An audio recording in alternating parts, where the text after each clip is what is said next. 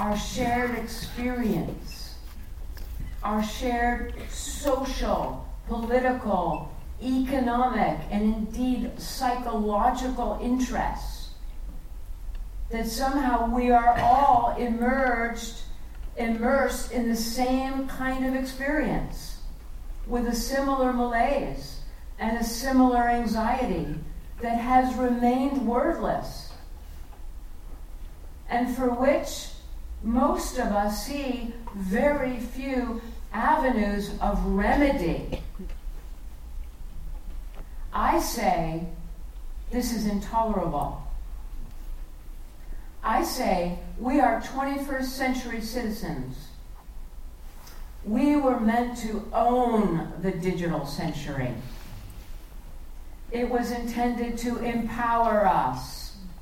It was intended to be the most democratizing force since Gutenberg printed the Bible. But something else has happened along the way. It's been hijacked by an economic logic hidden from us. Der har lige været konference her med, eller mere præcis, der har været et oplæg ved øh, Susanne Suboff, som har skrevet bogen om overvågningskapitalisme. En af dem, der har været inde og se det her i dag, det er dig, Rolf Bjerre, tidligere Den Grønne Pirat, og en hel, hel masse andre ting, og en stort set fast gæst i, i hvert fald i, i mine programmer igennem tiden. Hvad har du fået ud af at komme her i dag? Jamen altså for mig er det jo en helt fantastisk bog, som jeg mener alle bør læse, fordi det er det nye grundlag for magtanalyser, der, der kan ses igennem det her. Øhm, jeg kom specielt i dag, fordi jeg er lidt i tvivl om, hvor meget hun forstår øh, kodelaget i, hvor løsningerne skal findes i det her. Og øh, jeg troede faktisk, hun... Altså ud fra, at hun har svaret, så virker det som om, at hun faktisk har en mindre indsigt i det, end jeg havde regnet med. Så på, på den skala kan man sige, det, det er jo selvfølgelig lidt trist over. Men stadigvæk en meget, meget vigtig bog, og nu kan vi begynde at snakke om det økonomiske rum også. Før var det kun nede i datacirklen, vi ligesom kunne se det her overvågning som et problem, og det er et stort skridt fremad, vil jeg sige. Altså det hun jo faktisk sagde, det var jo, at, øh, at det er jo fint, fint med koder og sådan noget, men vi, i første omgang så er man nødt til at lave noget lovgivning, som simpelthen forbyder den opførsel, som de har, altså man ikke må handle med forudsigelser om andre mennesker. Og det eneste, der vil blive respekteret i den sammenhæng, det er lovgivning. Er, er du enig i det? Altså, nu har vi jo set rigtig meget lovgivning, som allerede findes, som skulle, øh, hvad vil sige, vi har sådan noget privatlivsfred for eksempel, det, det har vi lovgivet os ud af, det er en af de meget vigtige love, den bliver ikke overholdt i vores samfund. Så for mig at se, at lov ikke mere værd, end den kan praktiseres, eller den kan, altså den kan, man kan styre den. Og hvis, hvis lov virkede, bare vi skrev det ned, så synes jeg, vi skulle øh, ulovligt gøre døden. Altså det ville være et godt sted at starte.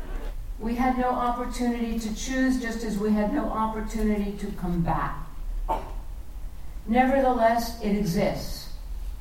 And it is inscribing our lives with the malaise that is conveyed in these words, but also the sense of power seeking its channel. Democracy, resistance, revolution, these are words of action and empowerment that somehow for the malaise that we feel, for the sense that things have gone wrong without our being consulted, that nevertheless there is a sense that it is ours to change.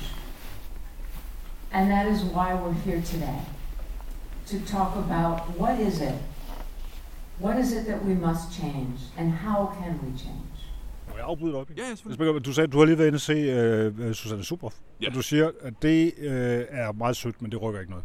Ja, altså, jeg, jeg, jeg er med på, øh, altså, lad os endelig gå den vej og regulere mod Facebook og Google og Amazon. Det, det er jeg med på. Øh, alt, hvad, alt, hvad der går mod dem øh, og deres øh, totalitære magt, er, er jeg sådan set med på. Altså, det, det, det er ikke, fordi jeg er modstander af det her projekt.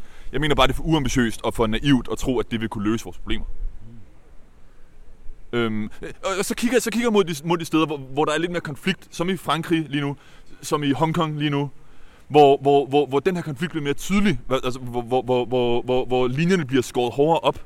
Og der er jeg med de mennesker, der er maskeret på gaden og smadrer overvågningskameraer. Stop. Altså, det er det. Jeg, jeg, jeg er med dem på gaden, der tager masker på og smadrer kameraer. Og det er den vej, vi går. Så skal vi, så skal vi blokere rundkørslerne, som i Frankrig. Vi, vi, skal, vi, skal, vi skal tage noget territorie tilbage fra staten, fra den globale kapitalisme, og, og så og så vil jeg ikke være en eller anden Lenin eller Stalin eller sådan noget pis, som siger, nu skal I høre, hvad der så skal ske. Det eneste, jeg siger, det er, at når, når det sker, når vi får, når vi får udskåret nogle, nogle, nogle territorier af autonomi, så kommer der nogen og vil være den stærkeste mand i den her nye jungle. Helt enig. Øh, ja, ja, har ja. så får du det meget værre bagefter. Ja, jamen, det, det er jeg helt enig i. Øh, nej, ikke altid, men, men ofte, for det meste. For det meste. Øh, for eksempel Sovjetunionen. Forfærdeligt totalitært lort. Og øh, det siger jeg som kommunist, at det lort skal jo bekæmpes. Altså, øh, men, men, men, men hele den her idé om revolutionen, at, at så, så, så, så gør vi et eller andet perfekt, og så er det fint, den er, den er, den er, den er idealistisk. Det, det, revolutionen er konstant, og, og det er en konstant kamp mod dem, der prøver at tage magten over resten af befolkningen.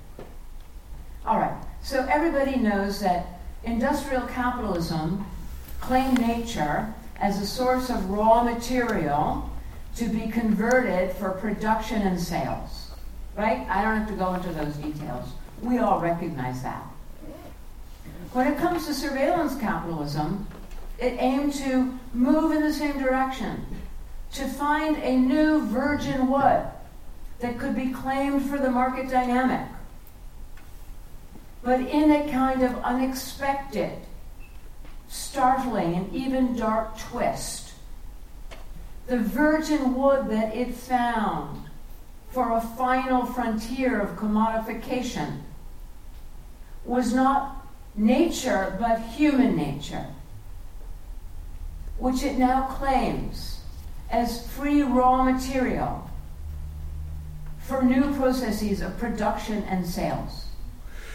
Vi har begge to i dag hørt uh, Susanne Suboff uh, øh, holde et overblik her, hvor hun uh, udover at uh, sagde, hun, hun lavede en meget underholdende start og alt muligt andet, hvor hun bad folk om at sætte navn og ord på, uh, hvad de ligesom uh, følte i forbindelse med, med det her. Og det var ord typisk som sådan noget, som der blev snakket meget om frihed, men der var også et andet ord, der blev nævnt meget, var frygt. Folk var simpelthen er nervøse for det her. Og så kommer hun jo altså med nogle ret radikale udtalelser omkring det her med, at vi kan godt glemme sådan noget som dataetik i forhold til de der øh, store tech-firmaer, fordi det de er ligeglade med, det er noget, de elsker at diskutere, øh, men det kommer ikke til at ændre adfærd. Det vi har brug for, det er lovgivning. Hvad siger du til det? Er det noget, tror du, det er den vej frem?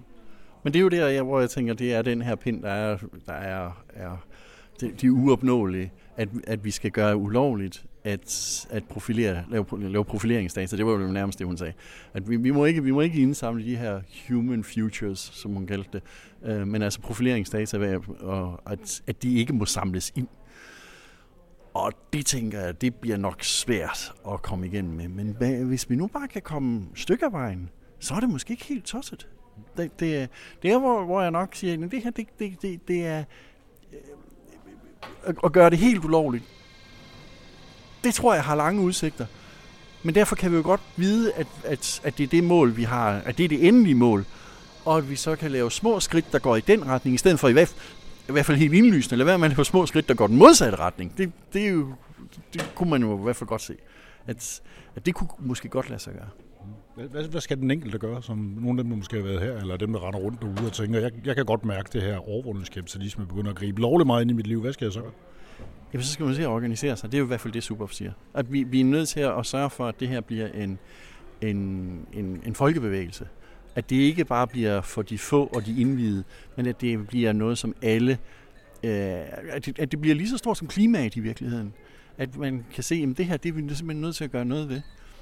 Og med, med min professionelle hat på, så, så ser jeg lidt som, at vi i prosa er med, med vores persondata, der er vi lidt ligesom, at man var med miljølovgivningen i 60'erne, hvor man sagde, nå ja, ja, det der med at Kiminova forurener ude på høfte 42, herregud, havet er så stort, det bliver aldrig et problem. Men det gjorde det. Øh, og jeg tror, vi er lidt det samme sted, hvor vi, vi i prosa godt kan sige, øh, det her det går hen og bliver et problem. Vi kan ikke helt fortælle jer, hvad det er for et problem.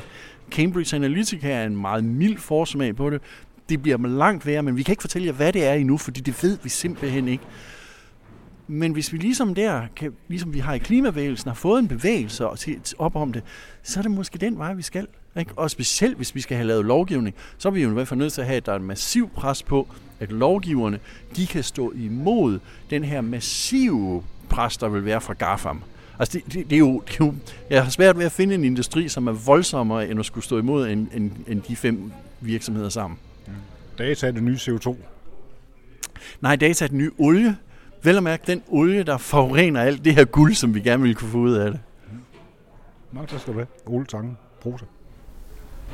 So surveillance capitalism claims our private human experience for translation into behavioral data. And those behavioral data are valued for their rich predictive signals. They are hived off into data flows that fill their supply chains, that shunt them toward the conveyor belts that take them into the factories. These are factories, but not like the ones that we used to describe as dark satanic mills. These are factories based on computation. We call them artificial intelligence. We call them machine intelligence. But like all factories, they produce products. What are the products they produce? They produce computational products that predict our behavior. Så sammen med øh, Rikke Frank Jørgensen fra Institut for Menneskerettigheder. Du har været øh, med her i dag, hvor Susanne Suboff har været på CBS, og du har introduceret hende, og du har også været lidt sammen med hende her de seneste par dage. Hvad, øh, hvordan, hvad, hvilken rolle spiller hun i øjeblikket i den her debat, der er omkring øh, vores allesammens privatliv? Jamen, hun spiller en, øh, hun spiller en rigtig, rigtig vigtig rolle. Altså det, det, jeg faktisk øh, sagde til hende tidligere i dag på et, et forskningsseminar, vi havde, var, at jeg oplever, at, at os og vi mange, der har, har været bekymrede for nogle af de ting, hun taler om, omkring den her massive dataindsamling og brug af data til at, at profilere os og til at notche os i alle mulige forskellige situationer. De emner, hun rejser, den bekymring, er der mange, der har haft i forskellige miljøer. Men pludselig, fordi hendes bog har fået så kolossal opmærksomhed, så er der, sådan, så er der kommet et helt andet sprog omkring det. Og øh, jeg, jeg har det nærmest sådan om, at jeg har fået sådan, mit emne har fået superpower. Øh, pludselig kan jeg, komme, kan jeg komme ud og tale om det på en måde, fordi det har de her referencer til, til overvågningskapitalisme, så det får en anden gennemslagskraft, end det havde før. Ikke mindst i Danmark, hvor der ofte er sådan lidt skeptisk, øh, hvis man gerne vil tale om, om retten til privatliv og digitale rettigheder. Mm. Noget af det, hun blandt andet har slået til lyd for her i dag, øh, endda relativt højlydt, det var, at øh, hun tror ikke rigtig på dataetik som diskussion, i hvert fald ikke som en måde, man kan presse de her firmaer, som udøver den her overvågningskapitalisme på. Den er de ligeglade med, det interesserer dem ikke. Hun siger, at det eneste, der kommer til at hjælpe, det er simpelthen regulær lovgivning. Tror du, det kommer til at ske? Jeg er i hvert fald mere optimistisk, end jeg har været tidligere i forhold til, at vi muligvis får noget regulering på feltet. Øhm, jeg vil sige, der har aldrig været så meget snak om det, som, det, som der er nu. Øh, ikke kun her i Europa, men også, øh, også i USA. Måske kommer der regulering på det, måske går det den vej. Jeg synes i hvert fald, hun har en meget stærk pointe, når hun siger, at hvis vi vil disrupte den her forretningsmodel, så er vi nødt til både at disrupte det, der føder ind til den, og det er det, at vi helt som udgangspunkt kan indsamle alle de her personlige oplysninger og bruge dem uden den enkeltes kontrol, uden den enkelte samtykke på den ene side, og på den anden side så opfordrer hun så også til, at man i virkeligheden ulovliggør nogle af de markeder, som dataene føder ind i. Hun sammenligner dem sågar, de her markeder, hun sammenligner dem med øh, organ, handel med organer og med, øh, hvad hedder det, slaveri simpelthen, at man ligger og sælger, øh, hvad hedder det, menneskers øh, handlemønstre i fremtiden, det der futures, altså hvad, de, hvad vi måske vil gøre i morgen, det er så til salg, og det siger hun, det skal vi simpelthen lovliggøre på samme måde som det her. Er det et brugbart øh, måde at se det på? Jeg synes i hvert fald, det er en stærk metafor, og jeg tror, den den pointe, hun blandt andet har, er, at det er jo ikke sådan, at der ikke er markeder før, som vi har ulovligt gjort. Vi har ulovligt gjort markeder før. Øh, og det er rigtigt, der har hun så organ, de menneskelige organ som eksempel, og slaveri. Øhm, og hendes pointe er så her, at de markeder, som der er på spil nu, det er de her forudsigelsesmarkeder, hvor vi bruger data til at forudsige. Det kan være alt. Det kan være sårbare børnefamilie, det kan være flygtningestrømme, det kan være, hvem der skal komme i betragtning til at give en job, hvem der skal have en praktikplads, om vi kan få et lån i en bank osv. Det, at den her massive dataindsamling bliver brugt til at træffe beslutninger om os, så at sige bag om ryggen på os, at det er vi nødt til at gå ind og kigge kritisk på, også reguleringsmæssigt. Og der kan man jo sige, altså i Europa, der er der jo rigtig mange, der så vil hejse øh, GDPR-flaget, databeskyttelseslovgivningen, øh, der trådte i kraft i maj sidste år. Og det er også øh, rigtigt, at mange af de ting, hun advarer mod, øh, de ligger de ligger delvist i GDPR. Men der må man jo så bare indvende, der mangler vi stadigvæk at se, hvor mange kræfter det stykke lovgivning har, øh, når det er op imod en så stærk markedslogik og en så rig markedslogik, som vi har med at gøre her. Man kan vel roligt sige i virkeligheden, at GDPR faktisk er skabt for, oprindeligt i hvert fald, var den grundlæggende tanke vel egentlig netop at få styr på de her tech-giganter. Det, lykke, det er så ikke lykkedes endnu i hvert fald. Det var kun det ene formål. Altså du kan sige, formålet var også at sikre det frie flow af information inden for EU-landene og mellem EU-landene, fordi det vil man rigtig gerne. Så det var både at sikre det fri flow af information, men at sikre det på en måde, hvor man samtidig beskytter borgernes rettigheder. Så der var begge, der var begge elementer i det. Mm.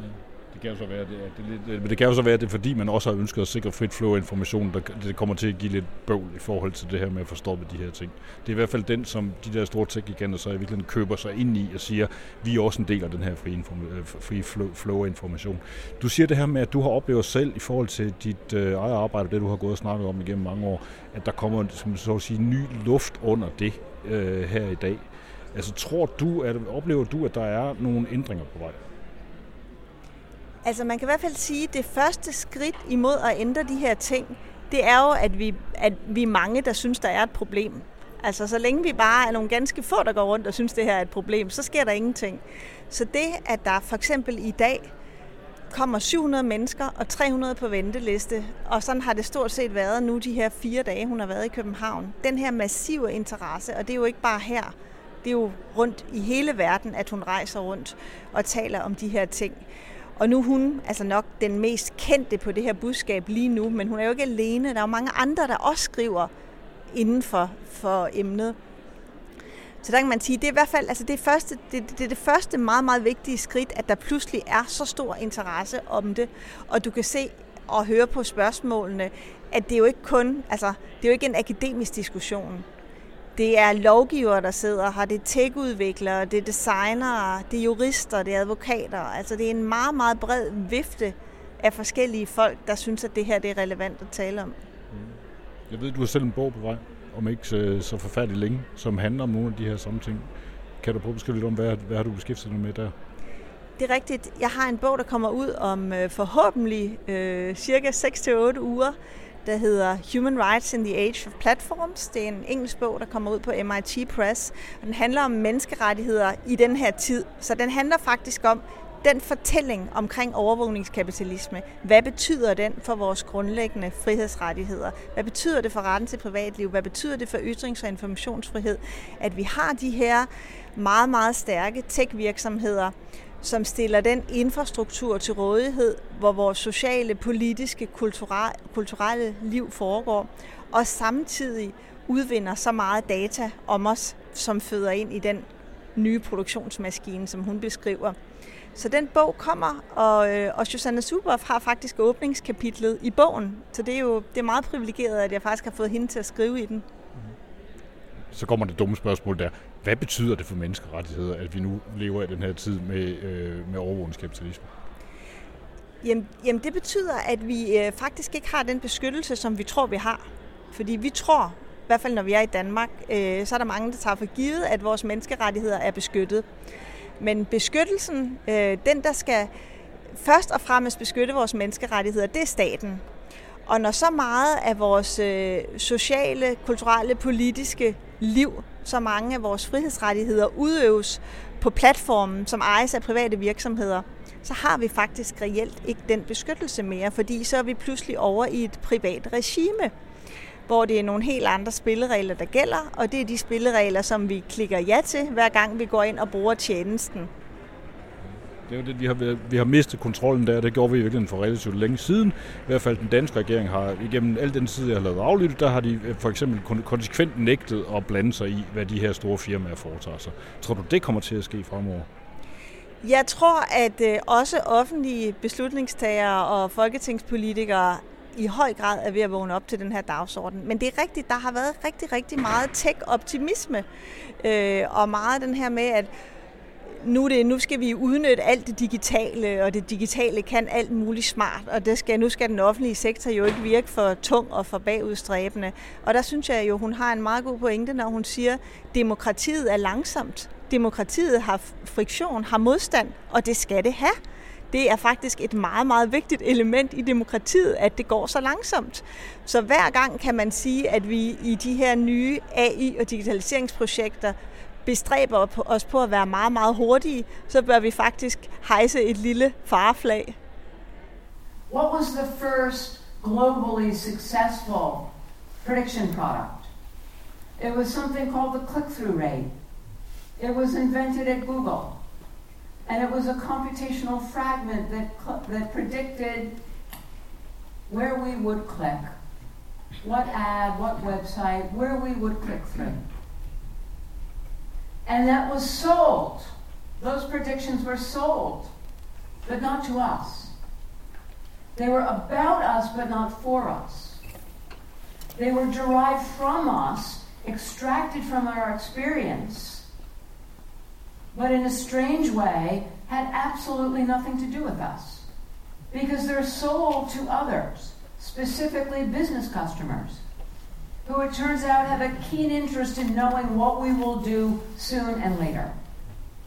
And who were the first business customers for these prediction products? They were the people we now call online targeted advertisers. They wanted to know the future.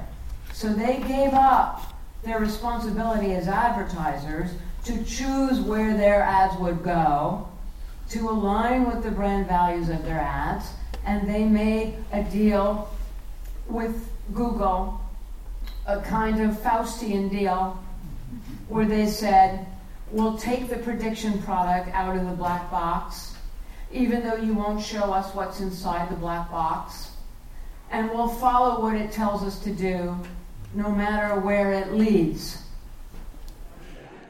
Du har været inde og se uh, Susanne Super her i dag, uh, og jeg ved, du, som du har sagt til mig, at det har faktisk betydet noget for uh, dit syn på techbranchen, som du har været i mange år. Mm. Kan du fortælle om, hvem er du, og hvad er det, du plejer at gå og lave? Ja, jeg, hedder, jeg hedder Jon Lund. Jeg arbejder som digital strategikonsulent, og jeg har været en del af det her internetmiljø de sidste 20 år. Jeg har været formand for Danish Online News Association, jeg har været direktør for Foreningen af Danske Interaktive Medier. Så jeg har været en stor del af hele den her også reklameborgende verden. Øh, og jeg har altid tænkt på det som et, et fedt sted og et miljø, internettet som et sted, der bare, bare lavet udviklet os fremad. Og når der er sket nogle ting, der ikke var så gode, så har jeg tænkt, det er jo sådan nogle fejl, som, øh, som sådan, jo, fejl sker. Så det er nok nogle bieffekter, vi kan prøve at skære væk, og så kan vi fokusere på det gode og få det til at køre. Jeg tror stadigvæk på, at vi kan få det gode til at køre. Men super måde at tænke på verden på, fik mig til at se, at der er noget fundamentalt i måden, systemet bliver op på, som jeg tror, vi bliver nødt til at, at gøre noget ved. Og det er den uhemmede strøm af data, der bliver trukket fra dit og mit privatliv op igennem nogle kommersielle instanser, ender med at blive brugt til at manipulere os selv øh, imod i vores egen bedste overbevisning. Det hun, det hun siger, det er, at hun mener faktisk, at den her måde at gøre tingene på, altså overvåget kapitalisme, det burde være forbudt, altså at man burde lave nogle lov imod det, ligesom man, øh, hun sammenligner det med organhandel og med slaveri, simpelthen. Tror du, det har nogle gange på jord? Det var, jeg tænkte, jeg, jeg tykkede lidt på den, for jeg synes, det, okay, det er godt nok, så er vi, øh, det er lidt hårdt, ikke? Vi forbyder alt, der hedder virkelig begavede reklamer på nettet. Um, jeg, jeg, jeg er selv mere fan af den anden vej, Altså, I få kontrol over de data, vi selv har. Lav nogle mekanismer, lav nogle love, der gør, at man ikke kan tage dine eller mine data og frit bruge dem videre til alle mulige formål, uden at spørge os om lov, uden at betale os noget for det så jeg er selv mere fan af den del. Det her med at, at forbyde handel med, med alting, der er bygget på personlige oplysninger, den, den skal jeg lige have vendt et par gange mere i hovedet. Og det skal jeg, fordi jeg er bange for, at den der innovationskraft, det med at der er firmaer, der faktisk laver fede ting, der kan kurere kraft, der kan sørge for energi til alle, fordi man laver nogle fede algoritmer på solceller, der kan, der kan få verden brødfødt, fordi man finder på nye teknologier. Alle den der dynamik, den, den kunne jeg være bange for, at at hvis, hvis man forbyder brug af personlige data i kommersielle formål, at man så også får nogle af de ting bremset. Og det vil jeg være ked af.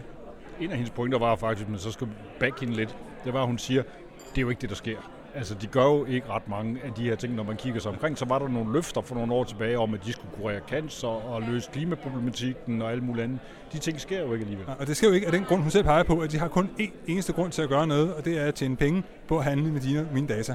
De tjener ikke penge på at frede verden og redde verden. De tjener ikke penge på at, at, at, at gøre at gøre vores samfund mere stabile, at få din og min individuelle privat psyke balance mellem mobiler og os selv til at fungere. De tjener penge på at få flest mulige oplysninger ud af dig, behandle dem bedst muligt, overvåge dem, manipulere dem og sælge dem videre. Og så det er den eneste økonomiske logik, der fungerer, jamen, så må det være sådan. Men hvis du sætter nogle, nogle, en, en kæp i hjulet i den datakæde, ja, så du siger, det er ikke bare så let bare at bruge folks data. Det koster faktisk penge, det er besværligt. Øh, måske er det bedre at tjene penge på at, at sælge noget til folk. Hvis du får nogle andre økonomiske logikker introduceret, så kan det være, at de faktisk begynder at gøre nogle af de ting, som de allerede for 10 år siden sagde, at de egentlig gerne ville. Fordi altså, sådan som det står, står i øjeblikket, så er der jo kun én forretningsmodel på internettet, PT, den handler om at plyndre folk for data. Ja, det er i hvert fald den, som de store tech der bruger. Ja. ja. Og, det er og, og det er vel også den, som mange kopierer. Ja, det er, det er skræmmende. Der er så mange kopieret, men, men de kan jo noget, de helt store, som alle andre ikke kan. De har de der milliarder af brugere og milliarder og milliarder af data, der bare gør, at de også får en sådan en monopolsituation, som også er bare ubehagelig. At sige, at hvis vi endelig skal have et marked, der opererer på at bruge personlige data, så er der for guds skyld få mange forskellige vælge imellem, som kan gøre det på forskellige måder, og nogle er bedre end andre, i stedet for kun at nogle få, som, som dominerer det hele og kan squeeze alle andre ud. Har, har det fået, du ser det her, det, det var lidt en åbenbaring at, at, at få det øh, at læse en bog og finde ud af, hvad, få en ny sammenhæng på det. Har det fået dig til at ændre adfærd? Øh, det har ikke fået mig til at, at ja, det har fået mig til ikke bevidstløst at signe ind med Facebook på alle mulige hjemmesider, som jeg, det har jeg altså altid gjort. Og jeg tænkte, ah, bare, det, sker, det, det sker der ikke noget ved, og det er også lettere, og det er convenience. Og nu tænker jeg, når jeg stadig i gang med at gøre det, tænker fuck, hvorfor gør jeg det her? Hvad er det, jeg giver fra mig? Så øh, at min adfærdsændring lige nu er, er på det personlige plan, at jeg har fået en bevidsthed og ikke gør det så meget længere, og tænker, ah, det vil jeg faktisk helst ikke. Jeg vil ikke, øh, jeg, jeg vil ikke, jeg vil ikke melde mig. Min tandlæge sendte mig et kort. Jo, det er tid til hos tandlægen. Bare gå på vores hjemmeside og bestille tid, og her er dit unikke nummer og link, som ID'ede mig. Fint, tænkte jeg. Jeg havde mit nummer og link, jeg klikkede på det. Så skulle jeg også give, give mit CPR-nummer. Jeg tænkte, hvad fanden skal de bruge mit CPR-nummer til? De ved, hvem jeg er i forvejen, og, og hvad er det for et system. De har et eller andet tilfældigt tandlægesystem, der jeg aner ikke, hvad de gør med det CPR-nummer. Så jeg bestilte ikke nogen tandlægetid.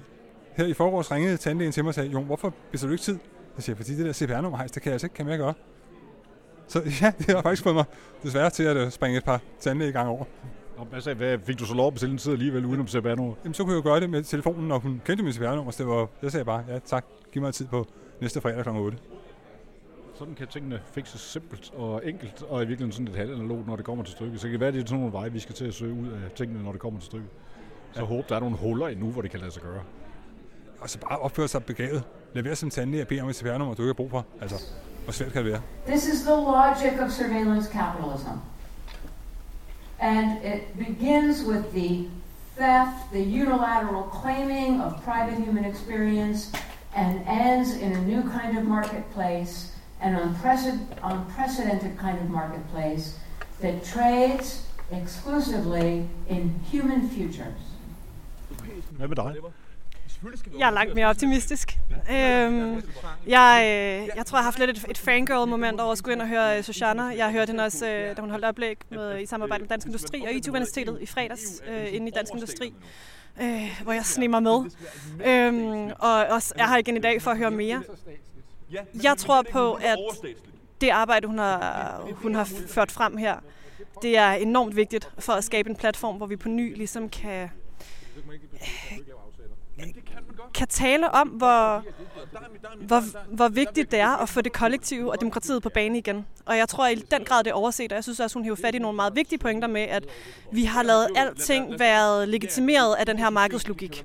Og vi er nødt til at tage de her beslutninger tilbage til os som individer, men også som individer forstået som en del af et kollektiv, og hvordan vi er afhængige af hinanden. Øhm, og den fortælling synes jeg er enormt vigtig. Og jeg tror, at jeg er opvokset i et meget individualistisk samfund. Jeg er 20.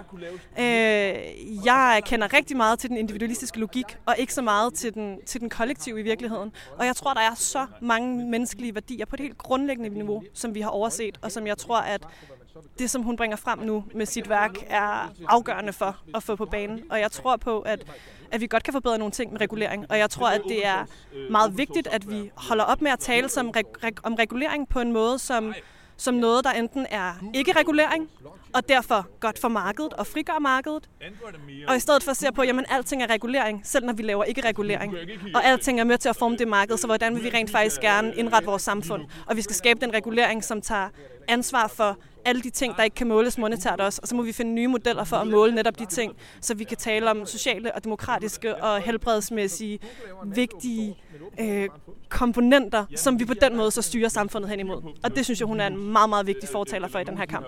Og hun åbner vel også for, netop som du siger, hun åbner for diskussionen om det fælles, det solidariske, det øh, samfund, som sådan, som du siger, den har der ikke været åbnet for i mange år. Lige præcis, og jeg tror, at der er rigtig mange, som, øh, som ligesom mig, så er man måske øh, færdiguddannet, og du skal ud og finde en karriere, og du skal finde ud af, hvordan du bedst kan etablere dig selv, og hvordan kan du bedst få din, for din lille lykke, altså egen lykke smedagtig. Men det er ikke det paradigme, vi har brug for. Vi har brug for at finde ud af, hvordan kan jeg være en, en positiv, konstruktiv medskaber af den her verden? Hvad er det for nogle initiativer, jeg vælger at bringe med ind? Og jeg skal tage stilling til de her ting. Og for at komme det i møde, er det også rigtig vigtigt, at vi har den her debat omkring agency, og som hun et eller andet sted kalder fri vilje, at jeg får lov til aktivt og autonomt, for så vidt det er muligt, at have en fri vilje og være med til at bidrage til den i, i et demokratisk, konstruktivt samfund. Ja. Har du fået, altså når du har læst dine bøger, der nu har du været til to foredrag med hende under købet, har du noget, hvordan har det påvirket din egen øh, måde at omgås internettet på? Øhm, jeg har for eksempel ikke øh, Facebook som, som app, og en lang række andre apps. Øh, jeg prøver fuldstændig at minimere det. Men jeg er stadig paranoid og deprimeret og alt muligt andet over den her udvikling. Jeg er super frustreret, og jeg er super frustreret over at have øh, snakke med venner og kollegaer, som, øh, som tager de her mekanismer for givet. Fordi som hun også påpeger, det foregår i det skjulte, så hvordan kan vi egentlig se det? Og derfor er det rigtig vigtigt at det hele taget tænde lys i det her lukkede rum.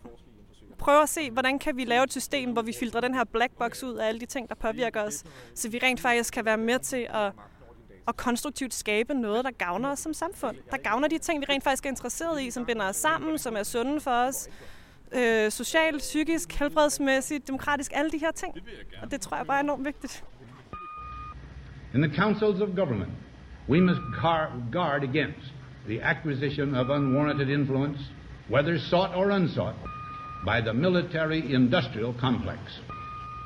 The potential for the disastrous rise of misplaced power exists and will persist.